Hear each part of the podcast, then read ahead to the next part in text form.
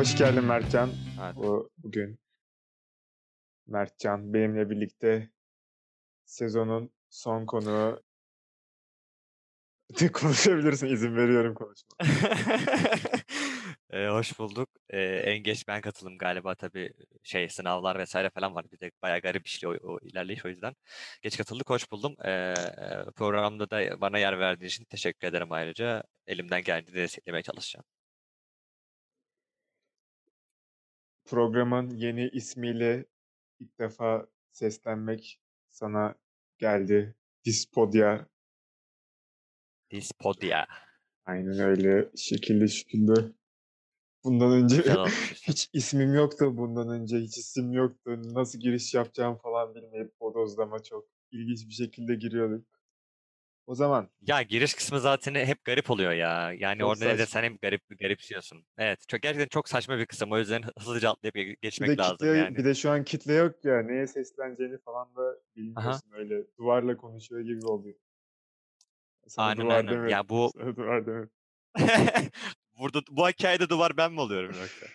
Ee, şey, ee, ya burada birebir görüşürüz dediğin gibi mesela ben de şey yapmıştım. Ee, işte bu pandemi sürecinde ee, işte e-sporla vesaire ilgileniyorum ve orada bir sunuculuk yapmıştım aslında. Bir sunuculuk deneyimim oldu. Pandemi süreci öyle bir şey kattı bana. Ee, orada orada da mesela biraz garip oluyor da en azından kime seslendiğini az çok biliyorsun. Yani orada bir chat var, orada bir chat dönüyor. Olmadı ona bakıyorsun tabii bakmaman gerekiyor. Çünkü Doğru. genelde kötü yorumlar e, doluşuyor oraya. Hiç takılmaman gerekiyor. O yüzden onu tabii öğreniyorsun, tecrübe ediyorsun. E, ama dediğin gibi burada birazcık daha e, garip oluyor yani.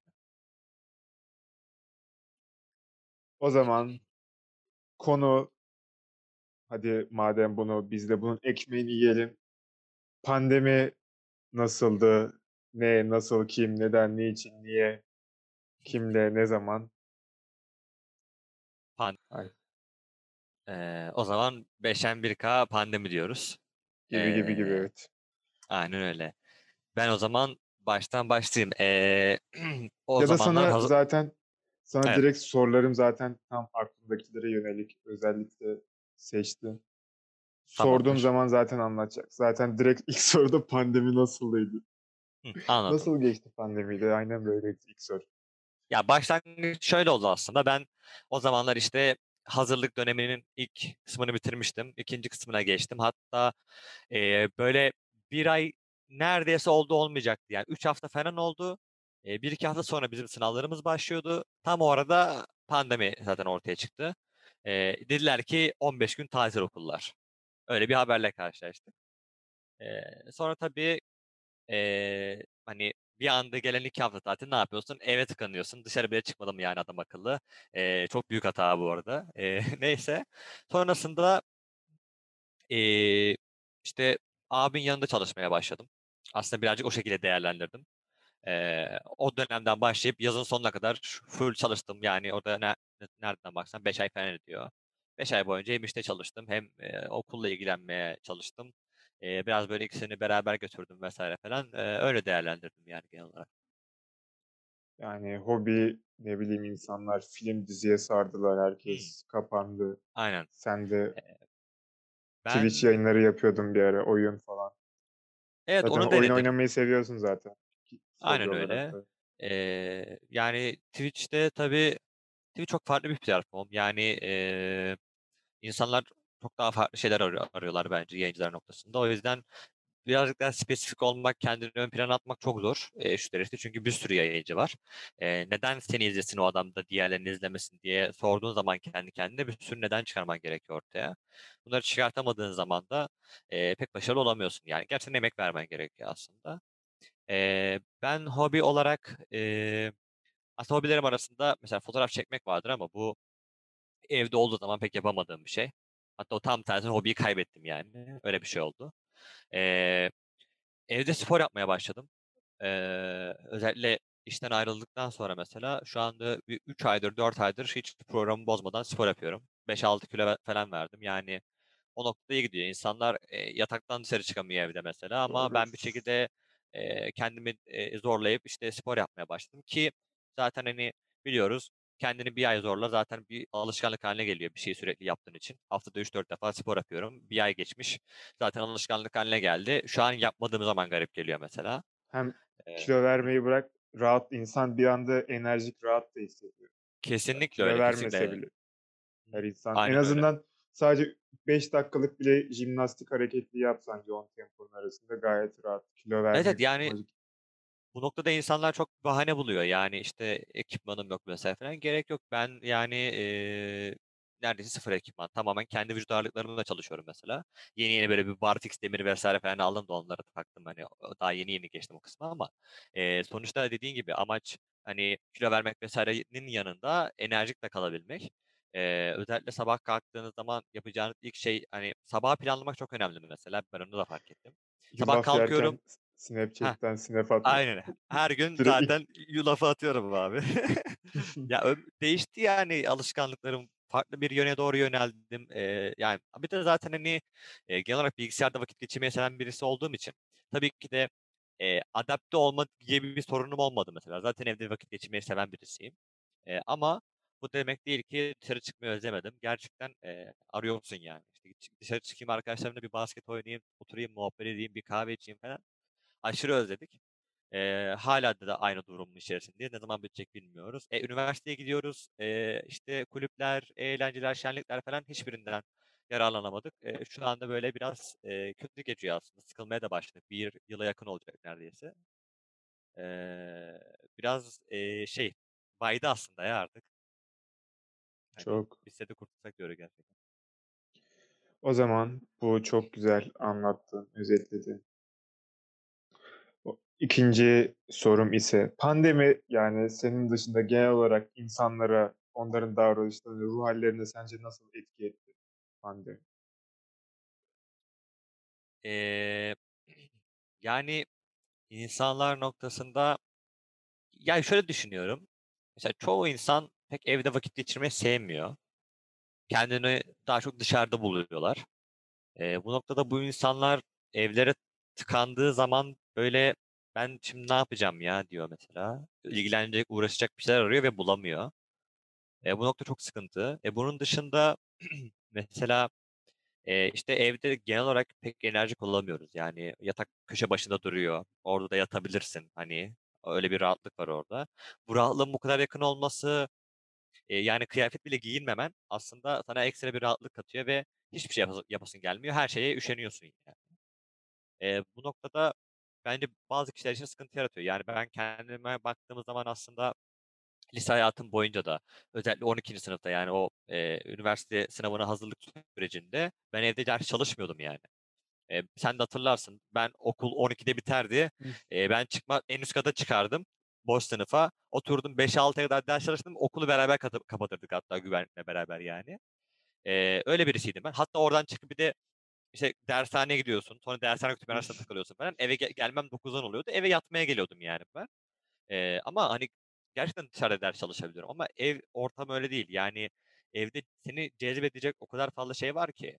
Eee, bu aslında bizim açımızdan biraz kötü oldu. Eee, ben çok aradım kütüphane ortamını vs.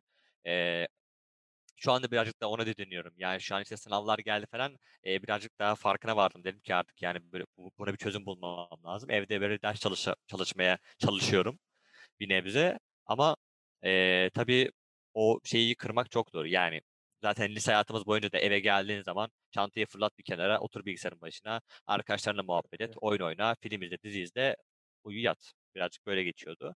Eee, birazcık da aslında alışkanlıklarımızı da değiştirmek zorunda kaldık bu dönemde. Tabii insanlar evine tıkılınca e-alışverişe yönelim de aşırı arttı, bayağı patladı. Evet. Bu perakende şey ne de ne denir onlara? Sen he, bu neyse ne diyeyim marka versem Amazon, Trendyol, hepsi burada, N11 Evet, gibi evet. şeyler E-ticaret tamamen siteleri genel olarak. Zaten bundan önce, pandemiden önce bile, sürekli artık işler ucuzluk olsun, fiyat olsun, hız olsun, onlara zaten iyice bir dönüş olmuştu ama bu pandemi tamamen sanki iyice onlara Onların işine yaradı. sağladı. Evet. Kesinlikle onların işine yaradı. Eee, yani ben zaten çalıştığım yer, işte, abimin şirketi zaten bir e-ticaret yapıyoruz orada. İşte, hepsi böyle Trendyol gibi firmalarda satış yapıyoruz. Eee, biliyorum yani oradaki şeyi de ve, eee gerçekten yönelim çok daha fazla arttı. Yani özellikle burada, hani, madem marka da veriyoruz, hani, getir, hani, zaten baktığında konsept olarak, hani, eee, tercih edilen şeydi ve yeni yeni böyle büyümeye, çıkmaya, tanınmaya başlanmıştı. E, zaten bu pandemi de patlayınca şimdi millet dışarı çıkıp bir şey almıyor. E, zaten, hani, şu an mesela A101 diyelim, mesela onlar bile artık şey yapmaya başladı yani, eee, işte, e-ticaret yapmaya başladılar yani. Gidiyorlar, işte, arabayla ürün servis ediyorlar vs. Herkes buraya döndü. Aslında bu noktada şöyle bir şey var. Eee çok böyle geçmiş zamanlarda, hani, filmlere de konu olmuştur. Eee, hatta şu an günümüzde hâlâ da oluyor. İşte, eee, KOBİ'ler dediğimiz o yerli marketler, işte, köşe başındaki tanıdığın o marketçi, eee, bu zincir marketleri geldiği zaman çok laf etmiştir mesela. İş yapamaz hâle gelmişlerdi. Eee, bir de bunun üstüne, e bu e-ticaret ortaya çıkınca daha da kötü bir durumda geldiler ve şu anda, hani, adamlar marketlerin mağazalarını açıyorlar ama satış yapamıyorlar. E, birçok yer kapalı kaldı 2-3 ay boyunca. Bu insanlar, eee, neyle geçindi, nasıl geçindi kimse bilmiyor. O noktada kendi işini yapan kişiler gerçekten çok zorlandı. Eee, o yüzden bu e-ticaret anlamında tabii ki de büyüse de diğer sektörlere de zarar verdi aynı zamanda. Eee, ama genel olarak zaten, eee, baktığımızda ticaret oraya yönelecekti, insanların tercihleri oraya yönelecekti. Eee, ama bir bu bayağı bir hızlandırdı aslında baktığımızda. Mesela diyor ufacık bir anaokulunu kapatsalar etrafında iş gören 5 esnaf sadece ondan zarar görmeye başlıyor ama Evet, kesinlikle öyle. insanlar da tabii sonuçta kendi işine geleni seçiyor. Ki Getir mesela bu şeyler iyice kargoları bile hızlandı mesela. Ben Amazon'dan bir ürün alıyorum. Sadece bir tane ufacık aldığım kabloyu bile kutu kutu içinde sarmalayıp bir günde falan yolluyorlar. Evet. İyice hızlandılar yani bundan. Pandemi öyle. bitse bile artık insanlar, görmeyenler bile görmüş oldu kargo perakende şirketlerinin artık Evet.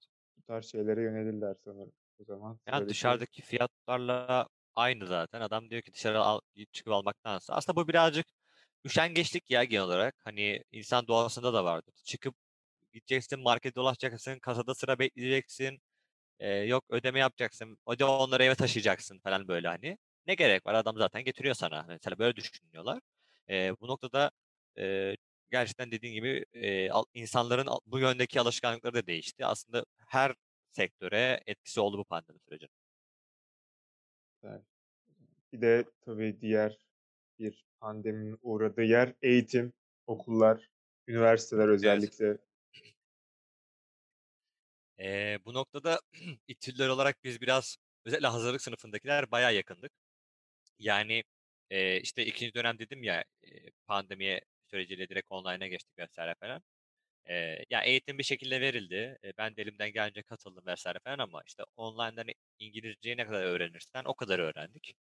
Eee, tabii bu noktada zaten eleştirebileceğimiz bir nokta yok ama işte mesela sınav noktasında çok eleştirildiler. Çünkü dediler ki kamera açma zorunluluğunuz var. Kamera açılacak, ekranınızın görüntüsü kaydedilecek, eee, mikrofonunuz kaydedilecek. Eee, böyle bir şart koştular mesela. Çok büyük tepki topladılar ama yine de, eee, bunu yaptılar, gerçekleştirdiler. Hatta 3 defa yaptılar.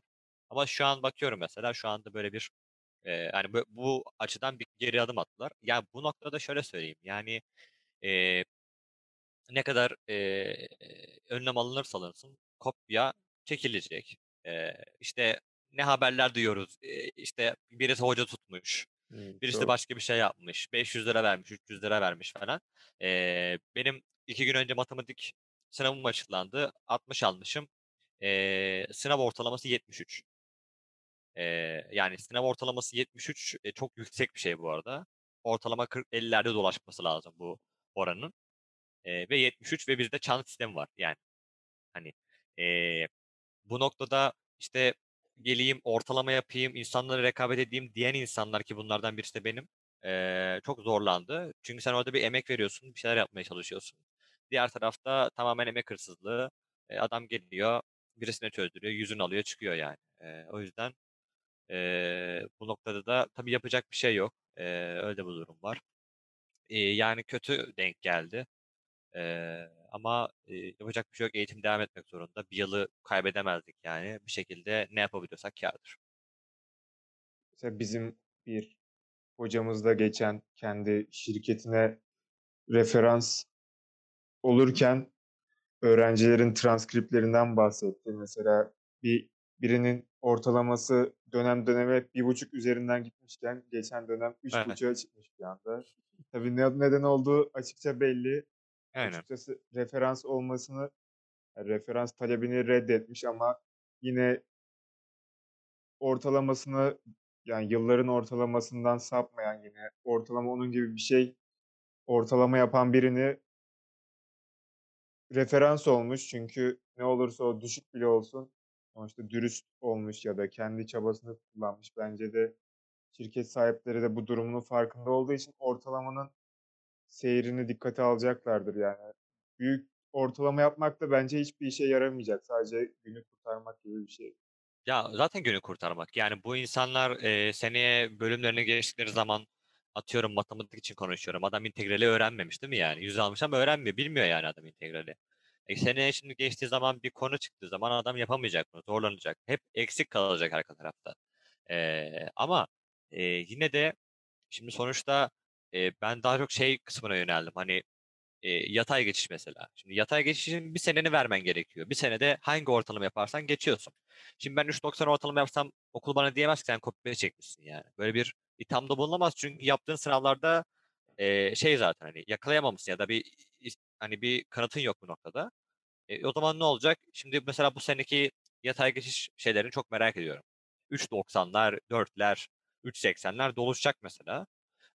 Hani, aksilik birazcık da o yönde. Onun dışında zaten 1 senenin 4-5 seneye etkisi çok fazla olmayacaktır bu noktada. Ama, eee, dediğim gibi yani yatay geçiş düşünen insanlar için birazcık şey oldu, haksızlık oldu bence. Eee, ama umarım yani bu seneyi, hani, bu şekilde kapatıp kâr görenler, eee, seneye de bu şeylerle, hani, eee, zarar görmezler yani öyle söyleyeyim yani. Bu sene 3.90 ortalama yapan kişi seneye, eee, derslerinden geçemeyebilir yani çünkü bilmiyor adam o konuyu. Doğru. Öyle bir şey var.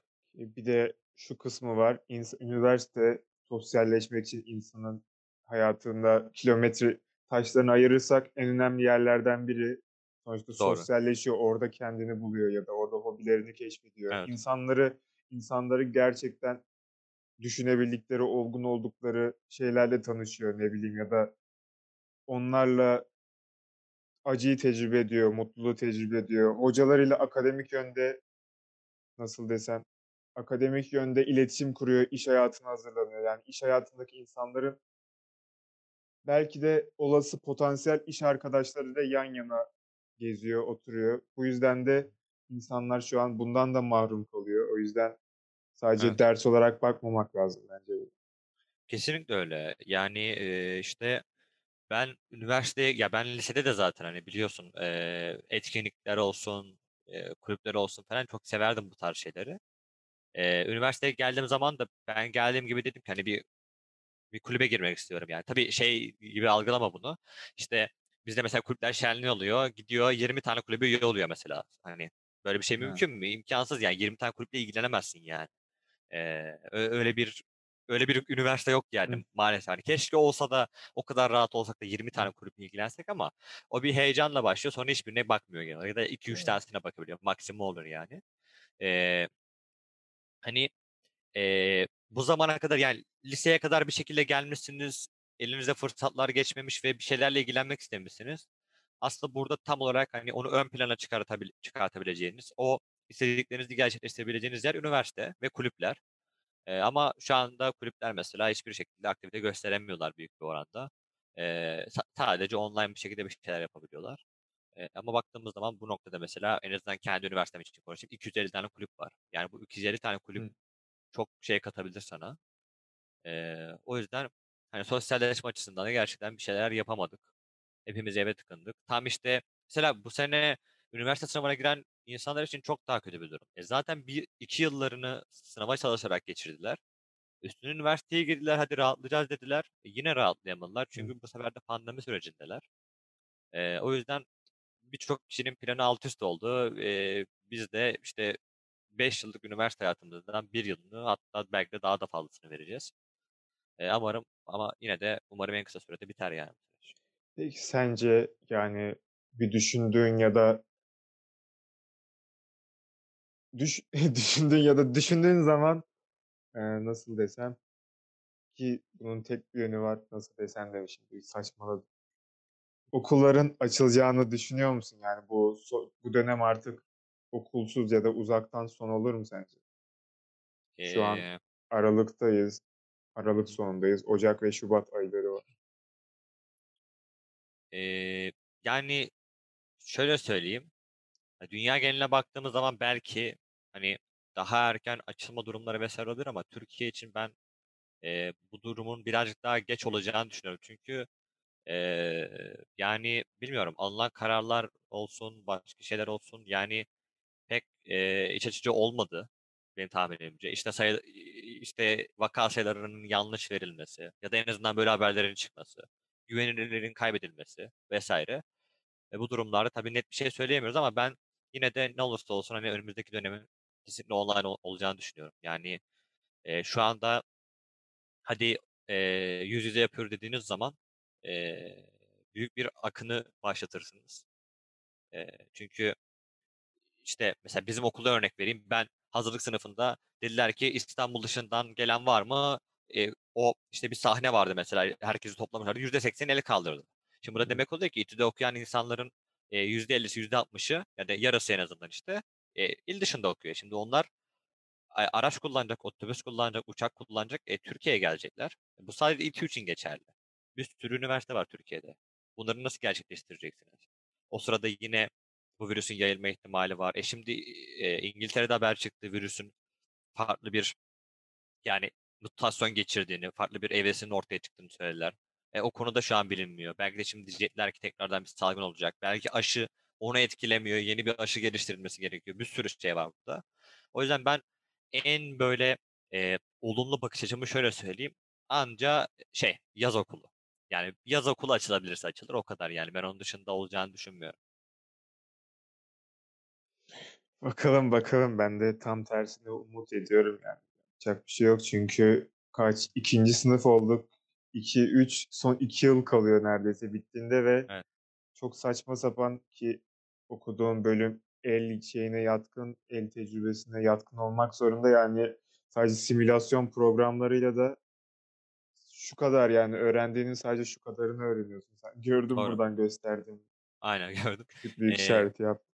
Ya, orada şey çok sıkıntı işte. Ya, ben şu an tamamen teorik dersler alıyorum. İşte mat 1'dir, fizik 1'dir, kimya 1'dir. Hani, benim için belki çok büyük sıkıntı değil ki parantez açayım, hocalarımızın birçoğu online eğitimden bir haber. Yani geliyorlar, slide açıyorlar, anlatıyorlar ve gidiyorlar mesela. Eee, online eğitim noktasında da ya, tabii bu süreç bir anda gerçekleşti ama, eee, yani kaç ay geçmiş, yani bir şeyler öğrenilir, bir sunum yapılır o öğretmenlere, nasıl, eee, online eğitim daha yararlı, daha faydalı kullanılır. E, ben şimdi mesela bizim bir kimya hocamız var. Sınıf 100 kişi.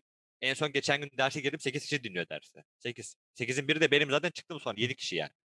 Hani, o yüzden, eee, insanlar da verim alamıyor. E, hoca ders anlatıyor ama anlamıyorsun gerçekten yani. Şimdi yapabileceğin bir şey yok. Yüz yüzeyken de belki bir şekilde anlamayacaksın ama hoca gerçekten, hani, kullanamıyor. Dediğim gibi PDF açıp okuyup gidiyor. Onu ben de okurum diyorum yani ben kendi kendime. Öyle.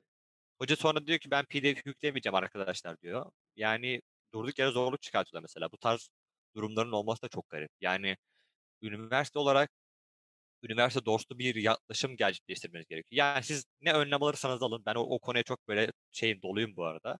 Ya, ne önlem alırsan al. Sonuçta birileri ayna falan gönderiyor, görmüşsündür yani. Hımm, gördüm ben, Ha, gördüm. ya ne yaparsanız yapın Yemin ettiriyor, yemin Aynen, ettirir, yem yemin ediyorum ben kopya çekmeyeceğim. Ya, böyle saçma şey olur mu? Eee, ya, önlem alamayacağını biliyorsun bak, bunu kabul etmen gerekiyor. Ya, madem önlem alamıyorsun, o zaman üniversite dostu bir, eee, izlenim yarat insanlarda. Eee, ve bunu hiçbir üniversite yapmadı. Ben zannetmiyorum, yani, üniversitesinden memnun olan, ya, bize şöyle şöyle iyilikler yaptılar. Gerçekten, eee, bu süreci atlatmamızda yardımcı oldular falan demiyorlar. Yani, şey falan biliyoruz ya, işte, hoca fazla fazla ödev veriyor, sonra diyor ki siz zaten evde oturuyorsunuz sabahtan akşama kadar, yaparsınız diyormuş. Ya, böyle bir mantık var mı ya? Bu insan evde başka şeylerle uğraşamaz mı, ilgilenemez mi yani?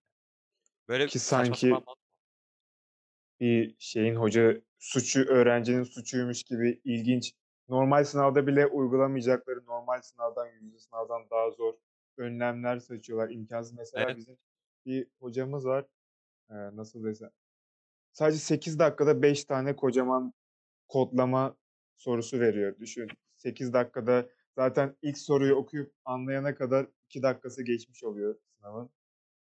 Aşırı zor. Mesela geçen dönem bir hocamız vardı. O da tarih kitaplarının üstüne bir te telefonunu koyuyordu. Hı Sonra hı. platform yapıp dersi oradan veriyordu. Ders 144'te sonra yükledim deyip geçiyordu. O yüzden adamakıllı o dersten en önemli temel dersten hiçbir şey öğrenememiştik. Yani o kadar İşte. doçent olmuşsun, ne bileyim, git bir hiç ekrana paylaş yapmayı da mı bilmiyorsun PDF'in üzerine yapmayı? Ne bileyim ki bazı hocalarımız var ki tedbirini almışlar, yani bunun eğitiminin nasıl olacağını anlatmışlar, ekipman almışlar, ne bileyim, yazma pedi almışlar, Evet. bilgisayar ortamı, Aynen ses öyle. ortamı kurmuşlar, her şeyi yapmışlar. Bunu yapan da var, yani umursamayan, dalga geçer gibi telefonuyla ders açan da var. Sanki şey yapmıyormuş. Ya, şöyle söyleyeyim, gerçekten, eee, hiçbir üniversitede, eee, beklediğiniz değeri bulamıyorsunuz. Yani ben İTÜ'ye girdiğim bak ben İTÜ'ye girmek için kendi hayalimdeki mesleği bir kenara bırakıp gir girdim bu üniversiteye ve tek istediğim bir şey var, birazcık değerli olmak. Yani üniversitenin gözünde kesinlikle değerli değiliz ve, eee, bir program izlemiştim, şu an hatırlamıyorum. Mesela şey de denmişti, ya şimdi bizim üniversitelerimiz sonuçta, eee, dünyadaki birçok üniversiteyle, eee, yarışıyor, doğru mu? Başarı anlamında. E, size mükemmel fırsat. Buyurun işte. Online eğitim. Online eğitimi başarılı bir şekilde gerçekleştir. Üniversiteler öğrenciler gözünde şey, yani öğrenciler açısından onların gözüne gir, ön plana çık. E, üniversite sıralamanı yükselt. Mesela böyle bir şey yapsalardı şu an çok daha iyi konumdaydık mesela ama bunu da yapmadılar. E, bunun dışında senin dediğin gibi yani üniversite hiçbir şekilde bir kaynak sağlamıyor. İnsanlar bilmiyorlar. Eee, yani şimdi evet 50-60 yaşında bir profesör olabilir, bir sürü başarısı olmuş olabilir. Ben tanımıyorum, ne yaptığını da bilmiyorum ama, eee, istediğin kadar başarılı olabilir ama kendini adapte etmediğin sürece o kadar yaptığın başarı benim gözümde ben göremiyorum yani o başarıyı, anladın mı? Yani Ya, zor olmamak ekranı lazım. paylaşamıyorsan istediğin kadar makale yazmış ol. Eee, bana veremiyorsun ki, bana aktaramıyorsun onu yani.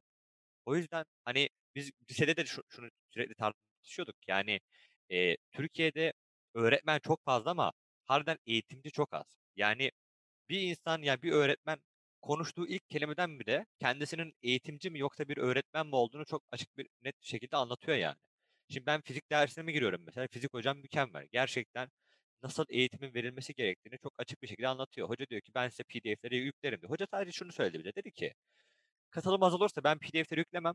Çünkü siz PDF'den çalışırız diye derse girmezsiniz ve anlamazsınız dedi. Ben PDF'in üstüne bir şeyler ekliyorum ders içinde dedi. Mantıklı. Kendi ön şartını sunuyor yani. Tek yaptığı şey bu ve hiçbir zaman da yüklememezlik yapmadı yani.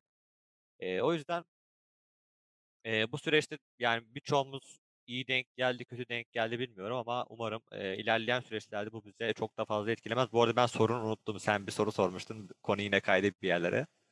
Evet, yok bu zaten iyice, güzelce özetledin. Sıradaki zaten az çok bunu özetlemiş olduk ama pandemide kendi ülkemizin pandemiye verdiği reaksiyon, insanların verdiği reaksiyon, tedbirlere verilen tep şeyler, tepkiler, karşılıklar, önlemler, her türlü ülkede olan şey.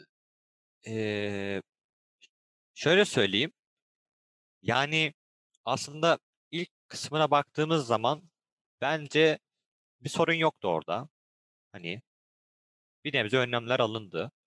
Eee ama sonrasında, işte, önlemler gittikçe kısıtlandı. Sonra bir yerde bir saldılar. Yani dediler ki "Ya, siz çıkın dışarıya." falan dediler yani böyle. E, şimdi insanları yani şimdi insanları daha da böyle daralttıkça, daha fazla, eee, karantinaya aldıkça aslında insanlar bu işin ne kadar ciddiye gittiğini ve erkenden önlem alınıyoryu kafasına yerleştiriyor yani. Ama sonra diyorsun ki bir anda, "Tamam ya, biz atlattık ya, işte, baksana günlük 200 tane vaka çıkıyor, bir şey olmaz." deyip insanları salıyorsunuz dışarı. E, bu sefer ne oluyor? Kısıtlamalar azaldı, "A, kurtulduk." diye bir insanda yanılsama oluyor. Ya, tabii ki de biliyoruz bitmediğini de ama Yine de sen şimdi bu kısıtlamaları azaltıp sonra tekrardan daha da fazla kısıtlama getirdiğin zaman şimdi insanlar bir afallıyor yani. Yani, "Hani bitmişti?" diyorsun bu sefer. Bu bence insanların psikolojisine daha da fazla etkiliyor. Eee, o yüzden keşke o aradaki, işte, ne kadar oldu bilmiyorum ama galiba 1 ay ya da 2 ay falan olmuştu. O süreci keşke hiç böyle bozmasalardı. Bu kısıtlamalar hep sürekli devam etseydi. Şu anda emin ol çok daha iyi bir durumdaydık. Hatta senin de dediğin gibi 2'nci dönem büyük bir ihtimalle açılırdı ama şu anki vaka sayılarına baktığımız zaman falan ben bunun pek olası olduğunu düşünmüyorum. Tabii bu aşılamanın ne kadar erken yapıldığına bağlı, aşıların ne kadar etkili olduğuna bağlı vs. falan. Onu da ilerleyen zamanlarda göreceğiz yani. 2 ay bu virüs için bir anda 2 ayda 2 ayda zaten şu anki hâle geldik. Ya 2 Evet. ay sonrası aşırı belirsiz kalıyor. Öyle şeyler oluyor ki bir anda biri çıkıyor, ne bileyim, bir anda vaka sayısı tavan yapıyor ya da bir anda yeni iyi bir gelişme oluyor ki katılıyorum. Eee, haziran, temmuzda aşırı bir anda sanki insanların maske bile takmadan gezmesi artık, Evet. virüsün hiç var olmamış gibi davranması, belki de eğer E, haziranın oku temmuz, ağustos'ta haziran gibi devam ettirseydik belki de şu an, ne bileyim, okul yarısında açılabilirdi ya da insanlar Doğru. vaka sayısına rahatlıkla derdi ki vaka sayısı daha az, en azından aça ya, en azından bir kısımları ya da uygulamalı kısımları açarız, bir şey yaparız. Zaten bu hâlde bile okulları açmaya çalıştılar ama en sonunda bir patlak verdi. Bilmiyorum. Ya, ben ta şöyle söyleyeyim tahminimce, büyük bir ihtimalle aşı gelene kadar biz bu bu şekilde devam ederiz. Aşılar yapılan ya yapılmaya başlar ama özellikle İngiltere'deki o şeyin devamı ne olacak çok merak ediyorum. Yani, eee, ona da bir önlem alınması gerekiyorsa, bir aşı gerekiyorsa vs. o zaman, eee, yandık. Yani, Bitti eee hikâye. Aynen öyle. Büyük bir ihtimalle, yani, üniversiteyi artık herhâlde, eee, bu şekilde mezun olup bitiririz yani. Ya da artık tüm yılları heba edip dondurma seçeneği artık Onu ben çok mesela düşündüm bu arada biliyor musun?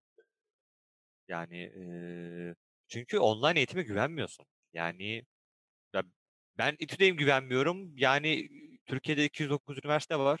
Bu üniversitelerde neler oluyor bilmiyoruz. Yani, eğitim ilk başladım mesela, o, işte, Pamukkale'nin sitesi çöktü, oranın sitesi çöktü falan. Yani, her site çöküyordu, insanlar eğitimini alamadı. Hani, biz şu an iyi üniversitelerde bu sorunları yaşıyoruz ama diğer üniversitelerde nasıl yani onları küçümsemek için söylemiyorum. Hani, maddi anlamda da yatırabilecekleri bütçeler belli bu noktada. Hani, devlet mesela ne kadar destek veriyor bu kısma bunu da bilmiyorum. Eee, o yüzden oralarda bir sorunlar yaşanmasının ihtimali çok daha yüksek mesela. Eee, onlarla da konuşsak büyük ihtimalle çok daha farklı sorunlar yaşamışlardır. O zaman sana tüm soruları sordum. Senin de bana yöneltmek istediğin bir şey varsa diyeyim. Yoksa sana yayının nasıl olduğunu klasik soruyu soracağım. Yayın nasıldı, nasıl değerlendirdin? Akıcı mıydı, eğlendin mi ya da konuşurken zorlandın mı ya da falan falan falan anlatacaksın. Anladım. Eee, ya, bence güzel. Aslında herkesin bir hobine hobi ediniyor. Senin de edindiğin hobilerden birisi bu. Eee, bu aralar bu tarz programlara fazla katılmaya başladım. Eee, ama şey, yani, hoşlar, güzeller, insanlar kendi fikirlerini bir yerlerde belirtmek istiyor aslında. Hani, bu zaten röportajın da Türkiye'de bu kadar ünlü olmasının, işte, YouTube'daki bir sürü videolar hâlâ devam ediyor mesela, eee, sebeplerinden bir tanesi. Çünkü insanlar kendi fikirlerini belirtmek istiyor. Sadece oturduğu mahallede ya da arkadaşlarına değil de bir platform üzerinden bir kayıt alınması. Hani, en azından bu bilginin Türkiye içerisindeki her insana ulaşabilecek olması mesela, bu bile, hani, daha farklı bir anlatım tarzına girmene ne neden oluyor yani baktığımızda. Ama sorular gayet eğlenceli. Tabii ben sana bir sürü konu attım. Dedim, "Bak ben kulüp başkanıyım. Bak kulübü konuşalım. Kulüp batıyor." Reklam falan. reklam havası aldım oradan bir Yok, yok e-ticaret ben falan gizlice akademi şeyleri. Ha, yok. Eee, o muhabbeti bilmiyorum. Eee, istersen konuşuruz tabii. Ben reklam yapmaktan çekinmem ama. Eee, yok, kulüp derken, hani, işte, üniversitedeki kulüpten vs. falan onunla da ilgileniyorum ya, onları falan, işte, belki konuşabiliriz ilerleyen zamanlarda. Eee, zaten büyük bir ihtimalle sen zaten devam edeceksin. 2'nci sezonda yine son bölümde, eee, beni çağırırsın. Eee, son bölüm konuğu ben olayım. Ben kapanışı yapayım. Tamam. Şimdi de sezon kapanışı yapabilirsin. Sezon kapanışı yapabiliriz. eline geçmişken bu fırsat kolay kolay gelmez. Eee, şeyi, o zaman programın ismini bir daha söylesene. Ne Dispodia, programın ismi Dispodia. Dispodia. yakında buralar çok fazla değerlenecek hissediyorum. Pandemi Pandemi bizi de vurdu. Pandemiden sonra da değerlenecek buralar. Eee, o zaman, eee, ben beni konuk aldığın için öncelikle teşekkür ediyorum. Böyle bir program yaptığın için de, eee, gerçekten tebrik ederim. Yani insanlar, eee, buna cesaret bile edemezken ya çıktın ve bir şeyler yapmaya çalışıyorsun. çıktım Ben ve masaya Aaa, yok onu yapma. Eee, aynen. Onu yapma.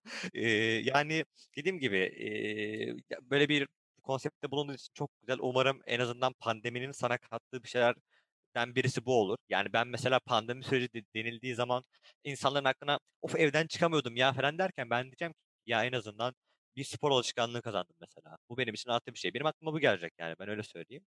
Eee, o yüzden, eee, her hayatımızın her kısmını nasıl olumlu şeylerle hatırlıyorsak, eee, ben sana lise dediğin zaman hep iyi anılar aklına gelir. Ya, en azından ilk başta. Eee, hani, pandemi de böyle bir şey olur umarım senin için ve şu anki yaptığın konsept de bu iyiliklerden birisi olur. Eee, devam edersin yani. Ben beni konuk aldığın için teşekkür ederim söz hakkı verdiğin için.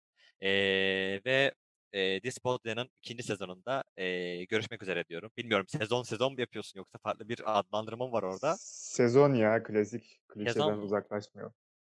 Aynen, tamam o zaman. Eee, diyorum ki Dispodya'nın 2. sezonunda yine son bölümünde beni göreceksiniz. Yine kapanışı ben yapacağım. O zaman, eee, görüşmek üzere. Ben de o zaman tüm buraya gelen, yanlışlıkla aradığı şarkıyı bulup podcast'e tıklayan aradığı şarkı adıyla umarım Dispodya diye bir şarkı aramışsınızdır diye tüm buraya kadar dinlemiş ya da sona sarmış, kim bu, neci diyen herkese hoş geldin ve hoş bulduklarını sunuyorum. Teşekkürler dinlediğiniz için. Eğer dinlediyseniz hoşça kalın.